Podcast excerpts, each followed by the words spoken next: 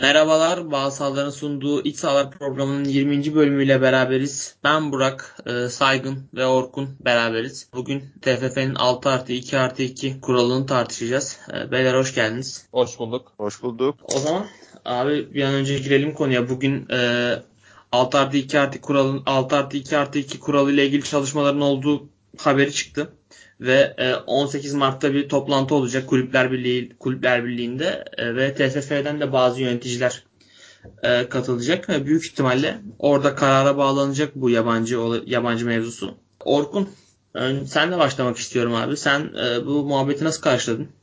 Valla memleketin ve futbolun hayrına olmayacağı kesin. Çünkü bunu şimdi rakamlarla da konuşacağız ama bu daha önce denenmiş. Fiyasko sonuçlar alınmış e, ve memleket futbolunu içeri kapatmış, içeri çökmesine sebep olmuş bir çağ dışı bir yasaktı. E, ee, 4 yıldır insanlar biraz adam akıllı, eli yüzü düzgün futbol izliyordu. Zaten memlekette artık uğraşacak çok fazla bir sosyal uğraşı da kalmamıştı açıkçası. Futbol biraz yani az da olsa nefes alınabilen tek alandı.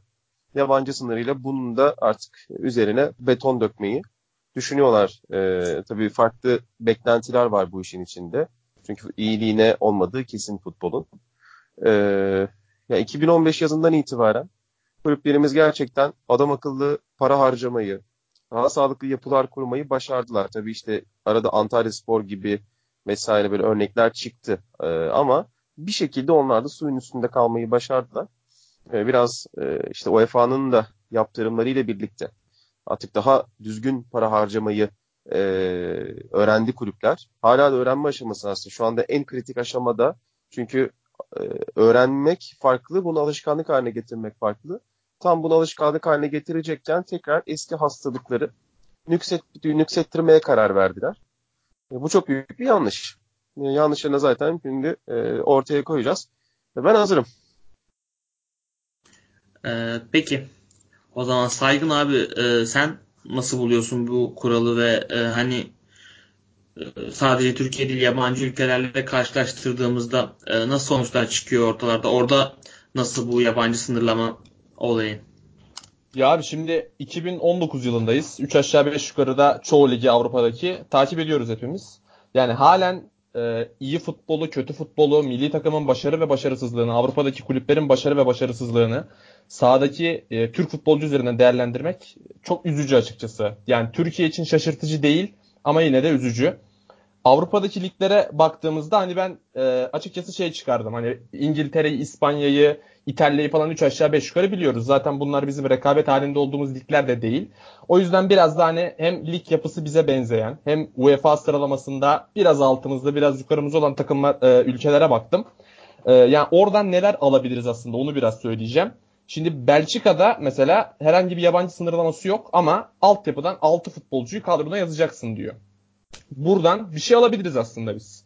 Hani sadece sayılar üzerinde durmaktansa altyapıyı altyapıdan oyuncu oynatmayı teşvik etmek için bir şeyler ortaya koyabiliriz.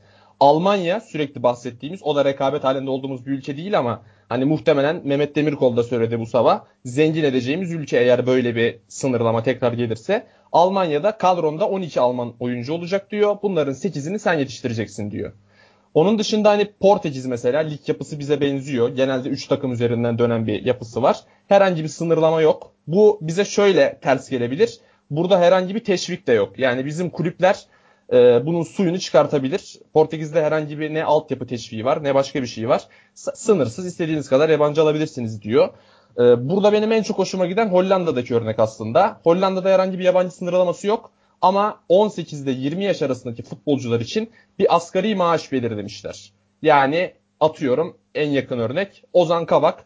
Diyor ki federasyon Ozan Kabak en fazla 100 bin lira alabilir.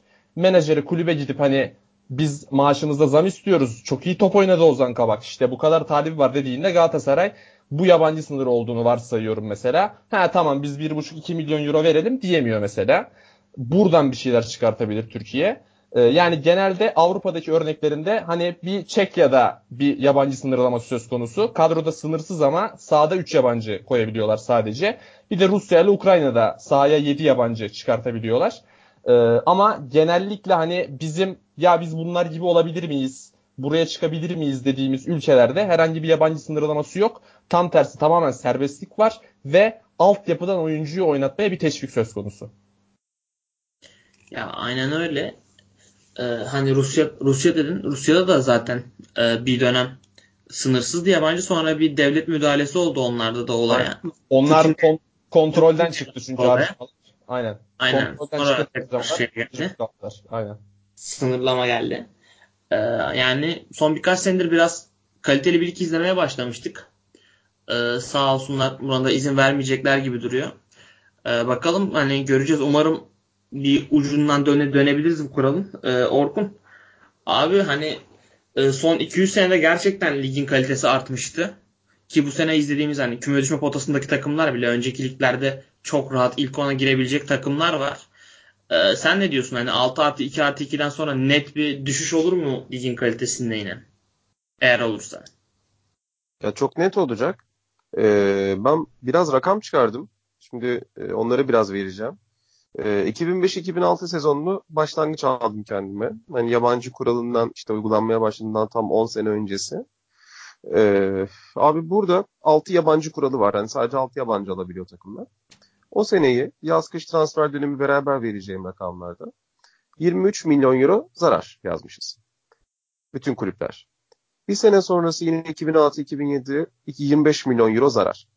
2007-2008'de 11 milyon euro zarar. Burada zarar biraz azalıyor. Burada da e, senenin başında 6 artı 1 oluyor. Devre arasında 6 artı 2 yapılıyor bu. Bak 6 ayda 2 kere değişiyor. Sonra da 6 artı 2 artı 2 şeklinde bir daha revize ediliyor. Böyle bir garabet. Sonrasında da Euro 2008'den sonraki sezon 2008-2009'da zarar bir anda 61 milyon euroya çıkıyor. Burada da zarar bunun 60 milyon eurosu 4 büyüklere ait. O yaz işte Fenerbahçe'nin Guiza'ya 14 milyon euro verdiği vesaire falan yaz. Sonraki sezon 2009-2010'da 44 milyon euro zarar. Yabancı kontenjanı 6 artı 2 şeklinde revize ediliyor. Artı 2 kaldırılıyor. Bir sonraki sezon meşhur 2010-11 sezonunda zarar 75 milyon euroya çıkıyor. Yine bu 6 artı 2 artı 2 yani şu anda uygulanım, uygulanması gündemde olan kont, e, rakamlar birebir burada. Burada kulüplerin zararı 75 milyon euro ve burada ilginç bir şekilde mesela Gaziantep Spor'un 12 milyon euro zararı var. Antep için sonun başlangıcı bu sezon oluyor. O Popovlu, İsmailli vesaire olan kadro. 2011-12'de 31 milyon euro zarar. Burada da 6 artı 2 artı sınırsız. Yani istediğin kadar tribünde yabancı oturtabilirsin demiş Haşmetli Federasyonu. Sonrasında da 2012-13'te bu Galatasaray'ın işte çeyrek final oynadığı sezon 66 milyon euro zarar. Burada da bunun 55 milyon eurosu Galatasaray ve Fener'in zarar. İşte bu Krasic'lerin, işte Meireres'lerin, Kayıtların, Drogba'ların, Snyder'lerin hepsinin geldiği sezon bu. Burada da Fenerbahçe Mehmet Topal'la Hasan Ali Kaldırım'ı aldığı sezon bu. İkisine toplam 8 milyon euro bonservis ödüyor. Bu ilginç bir şey. Şu anda bu, bu iki futbolcuya 8 milyon euro bonservis ödense Fenerbahçe taraftarı Samandıra'yı basar muhtemelen. 2013-14'te bu rakamlar e, 80 milyon euro zarara çıkıyor. Bu en yüksek zarar rakamı tesadüf değil 6 artı 0 artı 4. Kulübede bile yabancı oturtamadığın, tribünde 4 tane yabancı oturttuğun sezon. Hiçbir şekilde tesadüf değil. Burada da yine 71 milyon euro zarar Fenerbahçe artı Galatasaray. İşte Galatasaray'ın meşhur Ontivero'dan gelip Burdiso'dan çıktığı sezon bu. Bir sonraki sezona geliyoruz. 2014-15. 5 artı 0 artı 3 olarak bu kural açıklanıyor. Sonradan 5 artı 3'e bu çevriliyor. Burada da 43 milyon euro kulüplerimizin zararı var. Yine istikrarlı bir şekilde zarara devam ediyorlar. Burada da İbrahim Hacı Osmanoğlu'nun Trabzon'u 22 milyon euro bir zarar belirtiyor. Ee, işte bu kadroyu komple değiştirdikleri Mehmet Ekici'nin, Cardozo'nun vesaire geldiği yaz bu. Sonra da 2015 Ocağı'nda çok güzel bir karar alınıyor. Fatih Terim'in açıkladığı bir karar. Arkadaşlar yerli kuralı dendi bu. Yabancı kuralı değildi bu arada. İnatla öyle servis edildi ama 14 artı 14 gibi şahane bir kurala geçiş yapıldı. Gelelim ondan sonraya. 2015-16'dan itibaren o sezon sihirli bir değnek değmişçesine Türk kulüpleri bir transfer dönemini 11 milyon euro karla kapatıyor. Yani bir sezon önce 43 milyon euro içeride olan kulüpler bir anda 50 milyon eurodan fazla bir atak yapıyorlar ve öne geçiyorlar. Artıya geçiyorlar. Sonraki sezon 16-17 sezonunda bir 18 milyon euroluk zarar var. Bunun da ilginçtir 9 milyon eurosu Başakşehir'e ait. Enteresan. Ee, tabii burada 11 milyon euroluk bir Galatasaray zararı da var. O Dursun Özbek sağ olsun. İşte Serdar Azizlere, Eren Derdiyoklara, e, Tolga Ciğerciler'e toplam 10 milyon euro bonservisin ödendiği dönem bu. Geçen sezona baktığımızda bütün kulüplerimiz 13 milyon euro kar ediyor ve bu sezon yaz kış transfer döneminde toplam bilançodaki kar oyuncu alış satışından elde edilen kar 53 milyon euro. Muazzam bir rakam. Ee, yani 2005-2015 arasında Türk kulüplerinin bilançosunda, Süper Lig kulüplerinin bilançosundaki toplam zarar rakamı 459 milyon euro. Bak küsuratları saymadım. Yani küsuratları saysam daha da fazla çıkacak. 459 milyon euro zarar var. 2015-2019 arası ise 59 milyon euro kar var. Şimdi bu bir tesadüf mü sizce? Yani Tabii ki değil. E, 10 yıllık süreye bakıyorsunuz. Kulüpler ortalama 46 milyon euro zarar etmişler. Bu 4 yıllık süre zarfında da 15 milyon euro kar etmişler. Ya böyle bir değişim hani bu bile yani bunu 5 yaşındaki bir çocuğun önüne koy şu rakamları sadece buna bakarak bile der ki ha bu iyi bir şey bu kalsın. Eskisi kötüymüş onu yapmayalım der. Devam edelim. 6 artı 2 artı 2'nin uygulandığı 2010-11 sezonu 2010 yazında Euro e, e, Euro Türk Lirası paritesinde 1.9 Türk Lirası 1 Euro. Yani kulüplerimizin bol kesadan atabildiği işte Mehmet Topuzlara 8 milyon euroların işte e, verilebildiği, İsmail Köybaşılara e, 5.5'ların verilebildiği bir dönem bu. Şimdi bakalım e, şu andaki güncel kurda e, mesai saati bittikten sonra euromuz 6 lira 18 kuruştu. %325 artmış bir euro kuru var şu anda. Sen 6 artı 2 artı 2'yi getirdiğin anda bu kulüplerin kaç tanesi ayakta kalabilecek zannediyorsun? Şu anda bu 10 yıllık ve süre zarfında oluşturulmuş olan çok suni bir yerli futbolcu popülasyonu var. Nedir bunlar? 18-19 yaşında sivrilip en geç 20 yaşında bir transfer yapıp İstanbul'a kapağı atıp nargile kafelerden çıkmayan e, tek amacı pahalı içkiler içip pahalı arabalara binip vasat e, güzellikteki dizi oyuncularıyla estetik güzelliği dizi oyuncularıyla orada burada gezip boy göstermek olan adamların bir anda milyon eurolar kazanıp böyle bir yapay tabak oluşturdular. Denizin üzerindeki böyle güneş yağıyla herkes bir anda denize atladığı zaman denizin üstünde böyle bir yağ tabakası oluşur ya. Bunlar aynı o tabaka işte. Sırf zararlar. Ee, dolayısıyla bu facianın geri dönmesini isteyen hiç kimse bu memleket futbolunun hayrına bir şey istemiyor demektir. Ee, bu işin rakamsal tarafı. Şimdi gelelim işin mantık tarafına. Ee, e, Yıldırım Demirören istifa etti. Şu anda vekaleten yürütülen bir federasyon başkanlığı var. Doğru mu? Şimdi Mayıs'ta, Haziran'da işte yaza doğru bir seçim yapılacak. Bir yeni başkan seçilecek. Şimdi Türk futbolunun geleceğini belirleyecek olan, kulüplerin geleceğini belirleyecek olan böyle bir kararı vekaleten sür, e, yönetimi devam ettiren bir oluşum alabilir mi? Bu cüreti, bu cesareti, bu yetkinliği nereden kendilerinde buluyorlar? Bu çok ilginç bir durum. Ha, e, işte burada da acaba federasyonu federasyondakiler yönetmiyor mu sorusu ortaya çıkıyor bir anda. Çok net ki yönetmiyorlar. E, yani yıllardır, 10 yıl aşkın bir süredir zaten federasyon başkanları atamayla geliyor. Yani belli çevreler bunu işaret ediyorlar. Bu adam gelecek diyorlar ve geliyor. Sonunda da zaten hep bir kişinin istediği oluyor. Hep bir zümrenin istediği oluyor. Ee, ve belli bir kaymak tabakının devamı cepleri doluyor. Belli menajer tayfaları, belli futbolcu tayfaları, belli yönetici tayfaları, belli antrenör tayfaları bütün bir ülkenin ürettiği futbol ekonomisinden çok güzel bir şekilde yollarını buluyorlar. Biz de sahada Mustafa Pekdemek, Tarık Çambal, Ozan Tufan, Mehmet Topal, Serdar Kesimal gibi tonlarca adam izliyoruz sahada. Anadolu'ya falan gittikçe işte daha da çirkinleşiyor zaten. Onları saymıyorum bile yani. Bunlar bizim memleketimizin en güzide kulüpleri. En büyük, en pahalı, en janjanlı etiketlere sahip olan kulüplerinden bahsediyorum. Şimdi bu durumda hani siyaset bu kadar futbolun içine girmişken, insanların elinde tek bir tane eğlence kalmışken adam akıllı ve hakikaten de ya ben işte açayım bugün örnek veriyorum ki eğlenceli maç ne olur bizim ligde? Mesela açayım bir işte Alanya maçını izleyeyim Aa, Alanya'da işte bir to- stoper var Wellington. Çok sağlam stoper. İşte ileride var Popisise. Ben bunu izleyeyim. Ama şimdi tam tersine çevirelim abi. Ee, ba- al birincilikten adamlar gelecek mecburen buraya. Ha kaç kişi açıp izleyecek onu? Yazık günah değil mi verilen paralara? Şu anda çok ciddi bir kampanya var. Ben buradaki tek güvenlik, tek güvendiğim benim dal Bein Sport. Umarım buna el atarlar. Çünkü çok ciddi bir miktarda kampanya var. İnsanlar Bein Sport'un iptal ettireceğini söylüyor ki buna ben de dahilim. Haziran'da taahhütüm bittiği anda ben bunu yenilemeyeceğim. İnsanlara da bunu dayatmanın kimseye hakkı yok. Serbest piyasa diyoruz. Serbest piyasada müşteri belirler. Tüketici belirler. Kaliteyi de e, rekabet standardını da.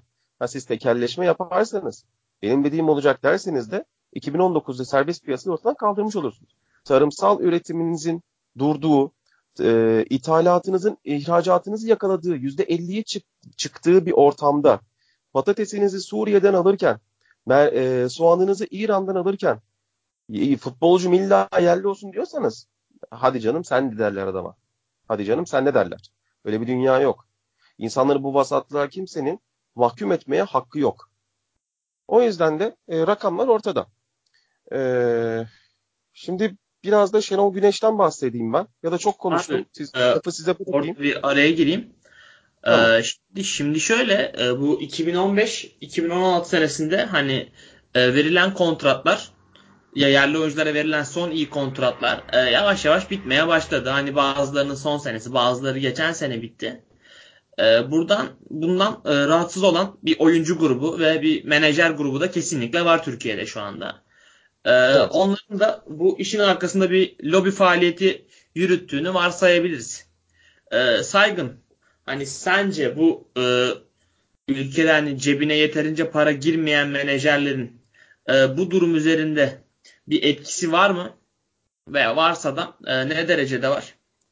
E, merak ediyorum. Sana da sormak istiyorum. Abi %100 var. Yani zaten Orkun çok güzel özetledi. Zaten e, yani kimin ne maaş aldığını 3 aşağı 5 yukarı biliyoruz. Tarık Çamdal gibi bir adam zengin oldu zaten. Hani Mustafa Pekdemekler, Serdar Kesimallar hani saymaya başlasak cidden yetmez. 1-1,5 saate açmamız gerekir büyük ihtimalle. E haliyle şimdi e, kulüplerde şöyle bir durum oluyordu genelde. E, Bunu daha önce Serdar Ali Çelikler de açıklamıştı. E, Kadir Has'a Mesut Özil'in menajeri geldi Erkut Söğüt. O da kulüplerin nasıl soyulduğuyla alakalı birkaç ipucu vermişti. Yani bir oyuncu transfer edilecek mesela. Kulüp, menajer ve oyuncu var. Ya kulüp bir para istiyor. 1 milyon euro atıyorum. Daha sonra bu talep kulübe gidiyor. Kulüp de diyor ki işte içerideki taklacı yöneticilerle beraber ya biz bunu iki yapalım diyor. Aradaki biri de götürüyorlar menajerler işte kulüp yöneticileri bir şekilde indiriyorlar ve kulüpleri soyuyorlar bu şekilde.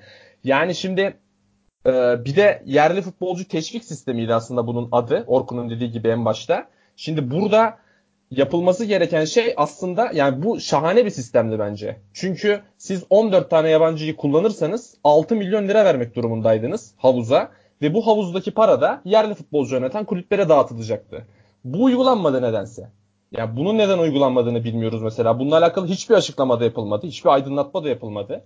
E, zaten dediğiniz gibi hani mevcut sistemde de kulüpler menajerlerin kucağına oturmuş durumda şu anda. Yani hani Türk menajerlerin olmasa bile mesela Ahmet Bulut e, yurt dışında da çalışan bir menajer. Yani çok fazla futbolcuyla irtibatı olan bir menajer. Yani Beşiktaş'ın kendisine ne kadar borcu var ben bilmek isterim açıkçası. Yani aldığı para 70 bin lira gibi bir şey açıklanmıştı galiba. Ama ne kadar alacağı olduğunu, ne kadar içeride parası olduğunu bilmiyoruz mesela. Şu anda Beşiktaş Ahmet Bulut ne derse onu yapmak zorunda aslında. Yani bununla alakalı yani hani Ahmet Bulut uluslararası çalışan menajer ama daha yerel menajerler haliyle hani futbolcusunu pazarlamak için yani yeni çıkan bir futbolcu vardır. Mesela şu anda Nazım Sangare mesela benim beğendiğim bir oyuncu aslında ama şahane bir ortam oluştu onun için. Çünkü bir yabancı sınırı gelirse Nazım Sangare 4-4,5 milyon euroluk futbolcu olacak. 2 milyon euro maaş alacak büyük ihtimalle bir büyük kulüpten. E hal böyle olunca da e, bu malı paylaşmak isteyen de çok fazla adam olacak. Kulüpleri soymak isteyen çok fazla adam var zaten. E bunun üzerinden de hem menajerler, bazı kulüp yöneticileri haliyle cebini doldurmuş olacak. E, o yüzden de menajerlerin %100 etkisi var bunda. Kesinlikle öyle. Ee, bir de olayın şu tarafı var ve belki de hani en kritik taraflarından biri. Ee, Türkiye Ligi uzun zaman sonra bu yabancı kuralı geldikten sonra e, sınırsız olduktan sonra ihraç etmeye başladı. Oyuncu ihraç etmeye başladı. Türkiye işte Okay Yokuşlu, Cenk Tosun, e, Ozan Kabak ve daha işte birkaç tane Çağlar daha oyuncu. Çağlar Söyüncü ihraç etti yani Cengiz'i işte vesaire. E, bu adamlar kural sabit kalsa ihraç edilir miydi? Ben pek sanmıyorum. Galatasaray Ozan'ı bırakır Mümkün mıydı? Değil. Mümkün değil ya. E, Çağlar Söyüncü yani kaptırır mıydı büyük kulüpler işte şey e, Freiburg gibi bir takıma? Ben ben sanmıyorum. Hani Çağlar burada abi 2-2,5 milyon euro oynardı. Fenerbahçe'de, Beşiktaş'ta, Galatasaray'da. O parayı aldıktan sonra o Freiburg'da göstereceği gelişimi gösterir miydi? Sanmıyorum. Evet. Ee, yani milli takım için de çok olumsuz bir tarafı var. Olacak bunun ileride eğer. Ya çok yakın bir çok yakın Mehmet Zeki Çelik örneği var mesela. Adam Süper Lig'e gelmeden e, direkt Çağlar Söyüncü gibi Fransa Ligi'ne gitti. Beşik, Beşik, Beşiktaş'ın sağ beki yoktu mesela. Gökhan Gönül tek sağ bekiydi Beşiktaş'ın. Ama 1,5-2 milyon euro verip almadı mesela Mehmet Zeki Çelik'i. Ama 6 artı 2 artı 2 şu anda o dönem olsaydı Beşiktaş İstanbul Spor'a 3,5-4 milyon euroyu verecekti. Mehmet Zeki Çelik'e 1,5-2 milyon euro maaşını verecekti. Mehmet Zeki Çelik Beşiktaş'ın kulübesinde olacaktı muhtemelen. Gökhan Gönül'ü kesecek mi kesmeyecek mi onun şeyini yaşayacaktı. Ya, tabii çok haklısın. Bir de hani garanti parayı bu kadar erken kazanmak futbolcuyu da tembelleştiriyor. Tabii, öyle de öyle de bir etkisi var. E bir de zaten hani e, dört büyük kulübe gelince Türkiye'nin hani Avrupa'ya zaten oyuncu ihraç etme gibi bir durumu yoktu önceden. Çok nadir örnekler işte Arda, Arda Turan vardı ve o yüzden hani oyuncular bir hedefsiz kalıyorlardı gelişimleri duruyordu bir noktadan sonra. Çoğu oyuncu da oluyordu bu. E, o, o yüzden de e, gerekli ihracı sağlayamıyorduk ve Türk futbolu bu şeyle e, global globalleşen futbolla artık bütünleşemiyordu. E, ama bu durumu aşmıştık aslında ama e, büyük ihtimalle yine geri gidecek bu durum. E, aslında Orkun bunun altyapısı e, Mircea Lucescu'nun açıklamalarıyla bize uzun yıllar uzun yıllardır işlendi bu bize işte son 1-2 yıldır Lucescu bunu basın toplantılarında dillendirdi işte benim oyuncularım yeteri kadar kendi takımlarında oynamıyor vesaire vesaire hani bunun abi geleceği belliydi. Bugün oldu. Bugün olmasa birkaç ay sonra olurdu ama olacaktı yani. Ee, sen bunun engellenebileceğini düşünüyor musun? Bu kuralın e, gelmeyeceğini ve tekrar mevcut sistemle devam etme şansımızın olduğunu düşünüyor musun? Şöyle ki, şimdi bizim memlekette son birkaç yıldır özellikle bir sistem uygulanıyor her alanda. Ölümü göster, sıtmaya razı et. Ee, mesela ehliyet yenilenecekti. Çok fahiş bir rakam istendi önce. 180 lira mıydı neydi? Çok fahiş bir rakam istendi. Sonra kamuoyu oldu. Daha dediler ki biz bunu indirelim. Çok çok komik bir rakama indi. İnsanlar tepki göstermeseydi çok fazla fa fahiş paraları ödeyeceklerdi. Belki de tepki vermeselerdi indireceklerdi ki bunu bir icraat olarak yansıtıyorlar çünkü. Burada da şimdi 6 artı 2 artı 2'yi gösterip işte 8 artı 4, 7 artı 3 o tarz bir şeye gösterip o ha, hadi tamam. Beni benden alıyor ya. Efendim? O artılar beni benden alıyor zaten. O 6 o artı 2 artı 1 bölü 2 artı 1 bölü 3 falan. Bir, aynı eğitim sisteminde de 4 artı 4 artı 4 vardı bir ara falan. Hani evet, artılar hakikaten çok iyi yani. Müthiş. Toplama konusunda bir numarayız gerçekten dünyada. Ee, zaten PISA e, sırasında da bu belli oluyor çok net bir şekilde. Ee, şimdi bir, bir kısıtlamaya gidilecek belli. Çünkü çok yukarıdan düğmeye basıldı. Ee, burada da yani siyasi otoritenin yanlış yönlendirildiğini düşünüyorum burada da. Ee, çünkü dediğiniz gibi işte belli bir oyuncu zümresi kontratlarını bitirdi artık. Hani bu yazda sonuncular bitecek. İşte Selçuk İnan'ın vesaire bir kontratları bitecek. Orada çok ciddi bir açık ortaya çıkacak. Şimdi bu, e, bu menajerlerin, bu e, parsayı toplayanların artık bir karnı acıktı. Bu adamların doyması lazım. Nasıl doyacaklar? Ellerindeki çöp futbolculara bu kulüpleri mecbur ederek. O yüzden de işte çok güzel bir sistem. Zaten her şey tek çatı altında. Federasyon, medya vesaire. Lucescu da çok güzel konuşması için oraya oturtulmuş bir adam olduğu için sahayla hala alakası yoktu zaten. Ee, onun açıklamaları da yani e, yangına benzin döktü denebilir. Bu yüzden şimdi Şenol Güneş de bunu devam ettiriyor. Ona da geleceğim. Ee, bu bir açık kesintiye gidilecek. O belli. Ha, 6 artı 2 artı 2 olmaz da 7 artı 3 artı 1,5 olur. İşte Buçuk'ta mesela bir tane Kıbrıslı oyuncu der mesela. Hani buçuk. Yarı Kıbrıs, yarı Türk falan. Veya o sadece sol ayağını kullanacak mesela son ha, Sadece sol ayağını kullanacak. İşte hani sadece tek mevkide oynatacaksın onu. Ya da işte 45 dakika oynayıp çıkacak gibi. Aynen bir şey öyle. olabilir belki. Yani bizim federasyondan her şey beklenir. Çünkü bir ekol oldular gerçekten. Yani bizim ekolümüz yok futbolda ama federasyonda var gerçekten. Ee, beceriksizlik üzerine ve insanlara taleplerine kulakları tıkama konusunda bir ekoller onlar. Ee, bir kesinti olacak açıkçası.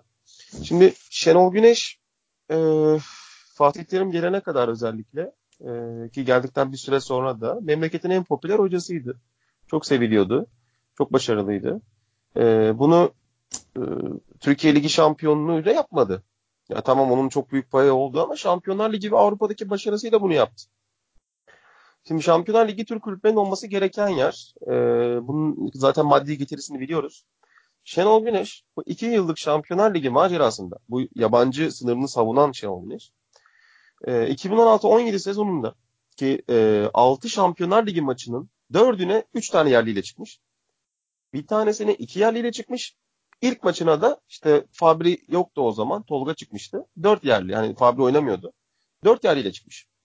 Ve aslında şöyle bir durum var. 1 Kasım 2016'da Beşiktaş Napoli maçında Beşiktaş tamamı ilk 11'in tamamı yabancı çıkan ilk Türk takımı oldu. Şöyle ki o ilk 11'de Gökhan İnler ve Tolga Arslan vardı. Bu iki oyuncu da Türk statüsünde değildi yurt dışında. O yüzden de aslında ilk 11 full yabancı denebilir. Hani ben onları da yerli saydım normal şartlarda. Bu böyle. Geçen sezona gelelim. Şu Beşiktaş'ın tarihin en iyi sezonunu geçirdiği zamanlara. Burada da e, Beşiktaş Şampiyonlar Ligi'ndeki 8 maçında 4'üne 3 tane yerliyle çıkıyor. Bir tanesine 4 yerliyle çıkıyor. Bir tanesine tek yerliyle çıkıyor. Deplasmandaki Bayern maçı bu. Bir tanesine 5 yerliyle çıkıyor. Bu deplasmandaki Leipzig maçı formalite maçıydı. Rotasyona gidiyor. 7, 7 yerli olan tek maçta içerideki 5-0'ın rövanşı olan Bayern maçı. Hani artık yedeklerimi de oynatayım e, denen bir maçtı bu da. Şimdi sen burada böyle yaparsan eğer kalkıp da adama sormazlar mı? Sen neden bu kadar yabancıyı oynattın o zaman orada diye. Elinde Oğuzhan varken Medeli oynattın, Atiba'yı oynattın. Neden? Hani yedekten soktuğun adamlar da yabancıydı. Yabancılar ağırlıklı 3 3 adam sokuyorsan iki tanesini yabancı sokmuşsun atıyorum ki. Abi oynatsaydın Türkleri o zaman. Pepe'ye o kadar parayı verdirtmeseydin de Fatih Aksu'yu oynatsaydın. Neden oynatmadın? Elinde Tolga varken Fabri geldi. O gitti Karyus geldi. Ondan önce Boyko gelmişti. E neden? Sen takımında zaten maddi olarak zordaydı. Neden bunlara engel olmadın? Elinde Orkan varken Lens'e dünyanın parasını verdi, ver, verip aldı. Neden? E şimdi insanda biraz e, şey olacak. Bir devamlılık olacak.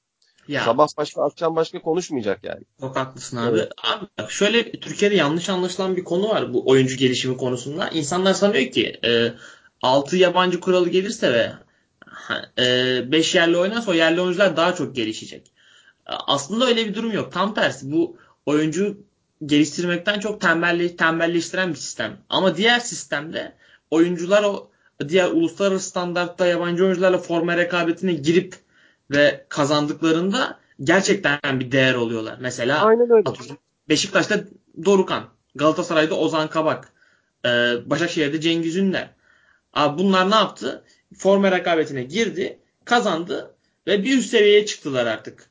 Bunla, ama bunlar e, sen oyuncu zaten yeri garanti olduktan sonra bu adam kendini niye geliştirsin ki? Geliştirmesine gerek yok Abi zaten. Bak, şimdi hayatın e, olağan akışına aykırı, eşyanın tabiatına aykırı. 19-20 yaşındaki bir adama sen gelip bir anda eline 1,5-2 milyon euro sayarsan sen o adamdan hayır bekleme abi. Bak çok açık söylüyorum. Ozan Tufan Fenerbahçe'ye geldiği zaman açıklamasında ne dedi? Artık babamın çalışmasını istemiyorum dedi değil mi? Ne kadar yanlış bir bakış açısı değil mi? Tamam yorulmasını istemiyor falan filan ama ki Ozan'ın sonraki karak kariyerinin gidişatında da o açıklamanın aslında altında ne yattığını çok net gördük biz. Ee, yani bilmiyorum yanılıyor muyum ama yani gördük. Türk futbolculardaki bakış açısı bu. Ya sen şimdi bu adama gencecik yaşta bu kadar parayı verirsen hadi parayı da ver helali hoş olsun. Benim yani tamam küçük bir kısım benim cebimden çıkıyor olabilir çok cüzi miktar ama yani tamam ya kulüp düşünsün onu. Abi bu adamın alternatifi yok ki. Yani bu adam oynamak zorunda zaten. Yani şimdi şöyle düşün sana müthiş bir iş veriyorlar. Senin de üstüne 2 milyon euro da para veriyorlar sana. Ama biliyorsun ki yerinde garanti. Abi hani çelik gibi iraden olacak. Onda da zaten çalışıp burada kalmazsın. Bu oynayarak gelişen bir şey değildir abi futbolcu. Futbolcu çalışarak gelişen bir kavramdır, bir olgudur. Tabii Yani canım. oynayarak- bu ligde oynayarak 10 sene 15 sene oynayıp üstüne bir tık koymayan yığınla futbolcumuz var. Yığınla var yani bundan bizde. Ben gideyim, Evet. ben gideyim, her gün halı saha maçı yapayım ya. Benden futbolcu olur mu? Benden olmaz. Çalışmamışım çünkü bilmiyorum yani. İnceliklerini bilmiyorum. Nereden bileceğim? Ama bu adamlar çalışmıyor. Bu adamlar kendine bakmıyorlar. Göbekli futbolcu vardı ya. Oğulcan adının göbeği vardı ya. Sabri'nin göbeği vardı ya. Yani göbeği vardı bu adamların. Göbeği olmayanların da zaten şey yok yani yet- yeterliliği yok. Yani Galatasaray Oğulcan adına aynı transfer döneminde Oğulcan adına 4 milyon euro verdi. Piyasada Gö- Gökhan Töre ile beraber tek kanat oyuncusuydu. Ee, Tarık Çamdal'a 4,5 milyon euro verdi. İşte Demirören'in en iyi, en beğendiği oyuncuydu. Türk oyuncuydu bu arada. Ee, eski federasyon başkanımızın. Müthiş bir e, öngörü gerçekten. Bak bu iki futbolcuya 8 milyon euro vermişti. Yasin Öztekin'e de 2,5 milyon euro bonservis verdi. 3 tane vasat Türk futbolcu 10 milyon euro bonservis verdi Galatasaray'a 2014'te. Prandelli'li sezonda. Yani neler neler var ya. Fenerbahçe'nin falan korkunç bonservis ücretleri var. Ee, şimdi saygın e, sana da şöyle geleceğim abi. Ee, şimdi bu e, yabancı kuralı bir şeyler eklenebilir bu kurala. Değiştirilebilir. Hani yerli kuralı diyoruz. Ee, sınırsız olabilir ama bunun işte örnekleri de var. Şey yapabilirsin. Ee, 25 yaş altı oyuncu oynatma zorunluluğu getirirsin. Dersin ki sen istediğin kadar yabancı getir ama işte ilk ilk 11 değil yani ama altı, altısı bunların e, 25 yaş altı olacak veya 25 yaş üstü olanların da işte milli takımların son maçlarında %70, %80 forma giyme oranı olacak. Ona göre getire, e, getireceksin. E, sence böyle bir şeyler yapılabilir mi veya federasyonun aklında böyle bir şey var mı sence? Ya olduğunu hiç zannetmiyorum. Yani yapılması gereken şey tamamen bir altyapı teşviği ve gelecek yabancı oyuncuyla alakalı da dediğin gibi belirli kriterler koymak. Ama yani halen 6 artı 2 artı bilmem kaç seviyesindeyse konuşulan konular bunlara kafa yorulmuyor demektir büyük ihtimalle.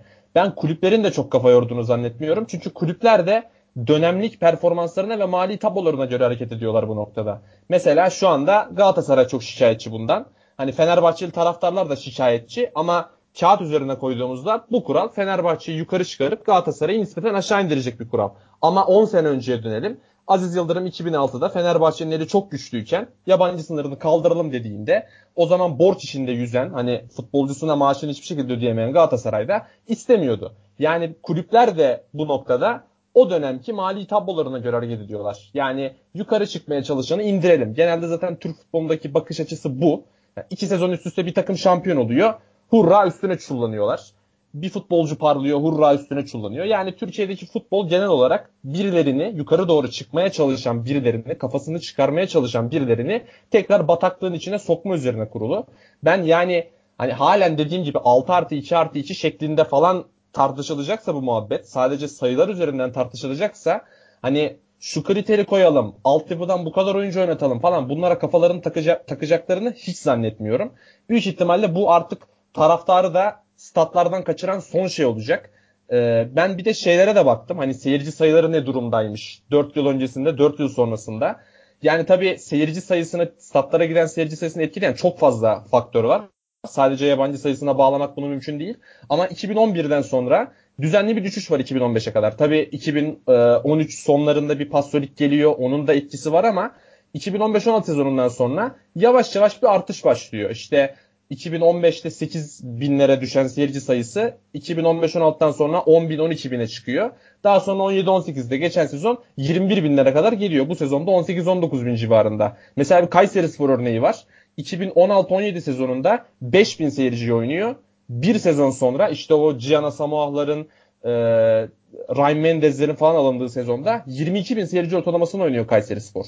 Yani seyirci de aslında keyif almaya başladı. Maça gitmeye başladı. Çünkü aldıkları üründen memnunlar artık. Yani şimdi siz çok kalitesiz, tat almayacağınız bir yemeğe para verir misiniz? Vermezsiniz. E seyirci de tat almak istiyor artık. Çünkü seyirciye mecburen hani artık futbol endüstriyelleşti bunu biliyoruz. Seyirciye müşteri muamelesi yapılıyor taraftara.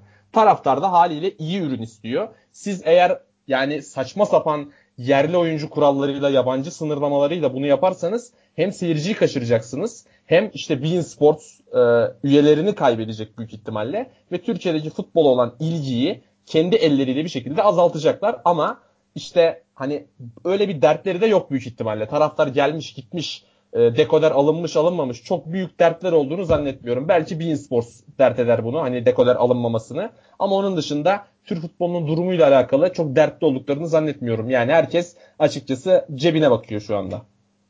Aynen aynen öyle dediğin gibi abi herkes cebini doldurmaya bakıyor ve işte anlık durumunu kurtarmaya bakıyor bir şekilde. Yoksa kimsenin öyle geneli e, kurtarmaya çalıştığı yok zaten.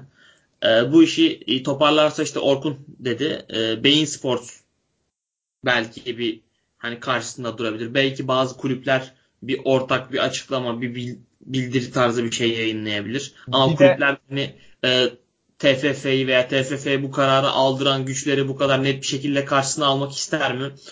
Çok emin değilim. Zor Abi bir de şey, ben pardon Orkun böleceğim. Ee, Başakşehir CEO'sunun bir açıklamasını okudum. Beni tek ümitlendiren oydu. İşte 6 artı 2 artı 2 soruluyor. Şu anda medyada konuşulan şey şeyin gerçekleşme durumunun olduğunu pek zannetmiyorum gibi bir şey söylüyor. E, Başakşehir CEO'su bunu söylüyorsa hani ülke futbolundaki durumlarını da biliyoruz şu anda. Hani benim tek umudum o açıkçası şu anda. Abi o ekole çok güvenmesen de ne olur ne olmaz. Yani tabii onlar değişebilir hemen de şimdilik en azından Yani çok güvenmesen Bence, oralara yani. ne olur ne olmaz. 5 dakikada değişir bütün işler. Her şey belli olmuyor onlar. Adamlar evet. Cengiz daha satar yerli oyunculara yatırım yapar yani hiç belli o, olmaz. Aynen onlara güvenmemek Vallahi lazım. Cengiz daha satar seni beni de alırlar ha. Valla. Valla davulu davulu asarlar boynumuza amikoluk yaparız yani belli olmaz orada. Cengiz nelere kadir yani öyle böyle söylemeyin. Ee, ayrıca şöyle bir durum var. Şimdi bu yeni yabancı sınırını başını Fenerbahçe çekiyor. Bu bilinen bir şey zaten. İşte gerekirse Avrupa'ya gitmeyiz. Şampiyon olacak kadroyu kurarız dedi Ali Koç. Hani şampiyon olup Avrupa'ya gitmeden e, o parayı nasıl bulacaksa artık. Yani daha da borçlanacak çünkü başka çare yok. Yani Avrupa'dan izole de ne, ne kadar olabilirsin yani işte en fazla Kuzey Kore futbolu gibi olursun en sonunda. Ee, Avrupa'dan gelire, gelecek gelire sana hava gibi su gibi muhtaçsın. Çünkü Türkiye'deki şampiyonluk gelirin senin bir yılda oyunculara ödediğin parayı çıkarıyor çıkarmıyor yani. Öyle çok bir şey almıyor kulüpler aslında şampiyonluk gelirinden. Avrupa ile bunu birleştiriyor. Ee, kulüpler en son bu işte Kasım sonundaki e, Kasım ayındaki bildiride arkalarına takıldılar. Korsan bildiriye. Çünkü hukuken korsan 18 kulübün imzası olması lazımdı.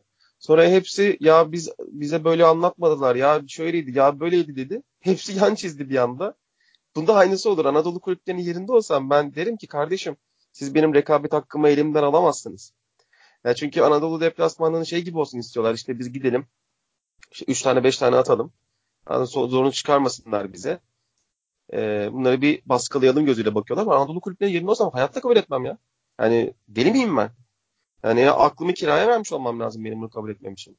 O yüzden yani zaten Fenerbahçe batık. Beşiktaş'ın şimdi 9 tane oyuncusu FIFA'ya gitmiş. En son Karius işte birkaç aydır para alamıyormuş. Adam ee, podcast'te adam Galatasaray, parası alamıyormuş. Galatasaray, Galatasaray bu sene Avrupa gerileriyle işte biraz ayakta duruyor. Ama Avrupa'dan bir sene gidemediğin zaman Beşiktaş'ın düştüğü durumu gördük. Onun da durumu sakat. Borç alacak fark onda 1 milyar çıktı işte son açıklanan rakamda.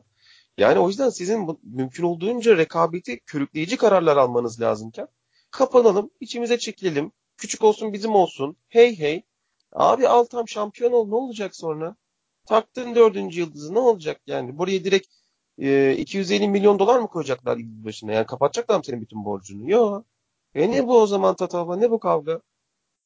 Ya, yani yani Sadık Çiftpınar Serdar Aziz tandemi mi seni alacak böyle arşı alaya götürecek? O mu seni uzaya çıkartacak yani? Tolga Aslan mı seni bir dünya markası yapacak? Ya saygın dediği gibi işte yani bunlar aslında Fenerbahçe Galatasaray olarak da bakmamak lazım. Genel e, Türk yani futbolunda sıkıntı var bu. Yani. Ali Koç da hani çok gerçekten bu kararı istiyorsa ben de Ali Koç hakkındaki fikirlerini de sorgularım zaten.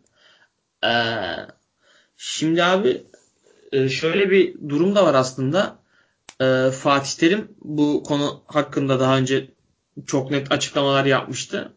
E, ben onun e, bugünlerde veya işte önümüzde oynanacak maçlardan sonra bir açıklama yapmasını bekliyorum. E, bir de şeye değindin. E, Anadolu takımlarının işte mücadele gücünün, rekabet gücünün arttığını abi. E, bugün bakıyorsun Erzurumspor e, küme düşmesi neredeyse kesinleşmiş bir takım. Abi iki hafta önce Galatasaray şampiyonluğu oynuyor. Yani kazanması lazım. Kesin kazanması lazım. E, gidiyorsun deplasmana yenemiyorsun. Çünkü adamın Obertan'ı var. Adamın işte e, Raşat Muhammed'i var. Orta sahada iyi adamları var. Bir şekilde senle sana karşı koyuyorlar. Bir direnç evet, gösteriyorlar. Yani ama işte bunu elinden elinden alacaklar Anadolu takımlarının eğer böyle giderse. Yani şöyle ki Fatih Terim hani çok egoist olarak bilinir. Yani kendi lafı dedi ki Anadolu kulüplerinin kadrosunda olan bazı futbolcular bizde yok dedi. Onların buldukları oyuncuları biz bulamıyoruz dedi mesela. Müthiş mesela, bir itiraf ya. Yani ee, bu üç büyükler Fenerbahçe'de oynar dönemde, mesela. Çok küçük bir örnek. Yani bu üç büyüklerin bünyesinden son yıllarda Türk futbolu hayrına çıkmış en iyi cümle bu. Bana göre. Yani alttakiler yükselsin ki yukarıdakiler biraz daha yükselmenin yollarına baksınlar. Onlar aşağıda kalırsa sen daha fazla yükselmezsin ki ben nasıl yukarıdayım der kalırsın yani. E, o yüzden de umarım bu yanlıştan vazgeçerler. E, burada artık e, insanların da birazcık daha kitlesel bir tepki koyup bu dekoderleri iptal edeceğini düşünüyorum. Çünkü hani eskisi gibi değil. Eskiden ne izleyeceğini seçebiliyordun. Yani şimdi bütün ligi birlikte almak zorundasın. Aylık e, ekonominin bu kadar kötüye gittiği bir ülkede e, aylık insanların 100 lira, 120 lira e, bu e, vasat futbolcuları dayatma yoluyla hem de e, izletmesine ben insanların karşı çıkacağını düşünüyorum. Mesela benim Haziran'da bitiyor bu. Haziran ayında bitiyor üyeliğim. Ben iptal ettirmeyi düşünüyorum. Böyle giderse. Çünkü izlenecek bir şey yok yani. En kötü insanlar play üyeliğini alırlar. Yurt dışı liglerini izlemeye devam ederler. Yani çok mantıklı zaten tonlu sıkıntılarla uğraşıyoruz hayatta, memlekette. Ee, bir de bunlarla uğraşmanın, kendimizi yıpratmanın hiç alemi yok yani. Nasıl istiyorlarsa öyle takılsınlar o zaman.